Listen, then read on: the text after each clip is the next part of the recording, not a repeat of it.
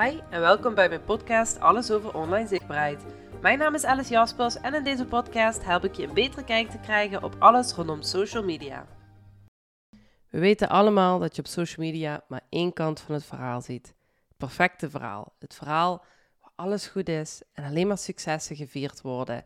En het leven mooi is met positieve gevoelens en de meest krachtige momenten.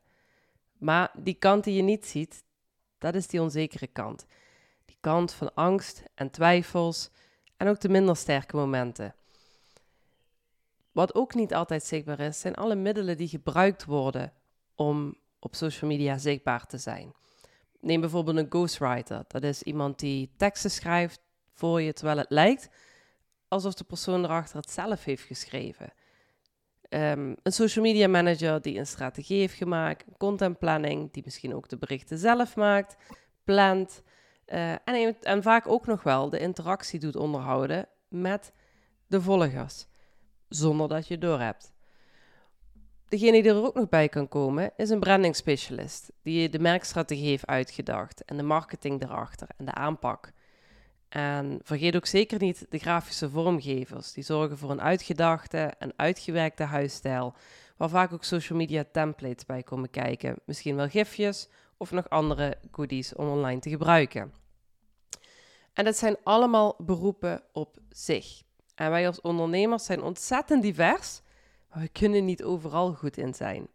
Dus het is ontzettend, ontzettend jammer als je zelf gaat vergelijken met een profiel waarvan je niet weet hoeveel kennis daarachter zit.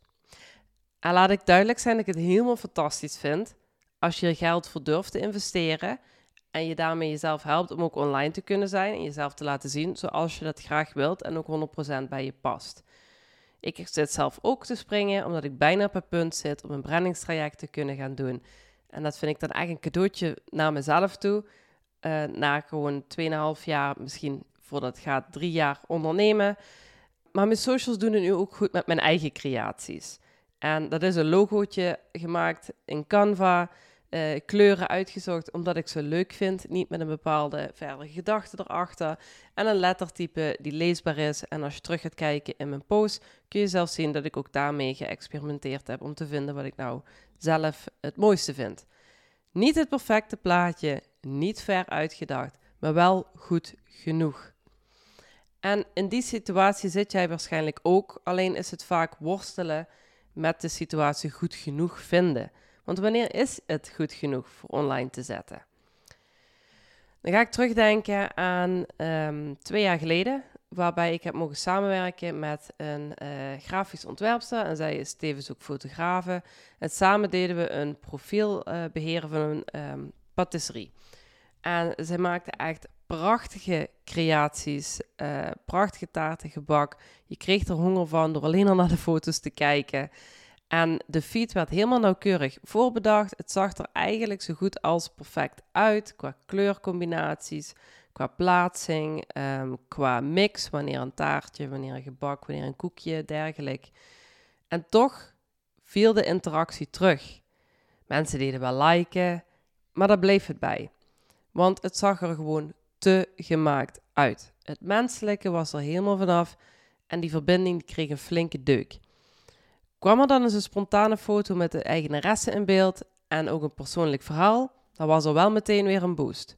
Dus de mensen waren er duidelijk op aan het wachten. En dat is ook waar de kwaliteit ligt van een goede post, of een goede tekst, of een goede feed. Het gaat zich om die waarde die je geeft en de gevoelens en verhalen die je deelt, maar ook om je authentieke zelf te kunnen verbinden met je publiek.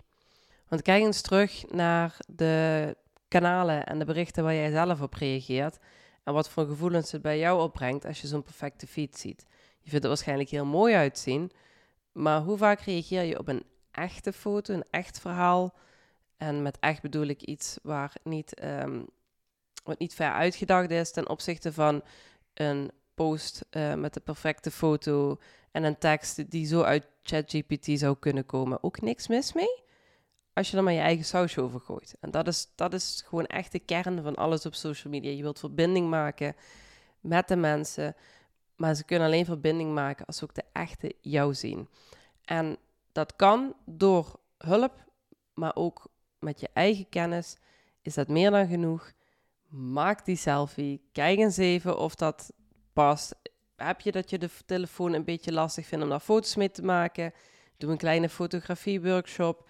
En er zijn best wel wat veel uh, smartphone-workshops. Heb je daar eventueel nog een vraag bij? Ik kan je doorverwijzen naar mensen, dus dan kun je altijd ook bij mij in een DM voor vragen.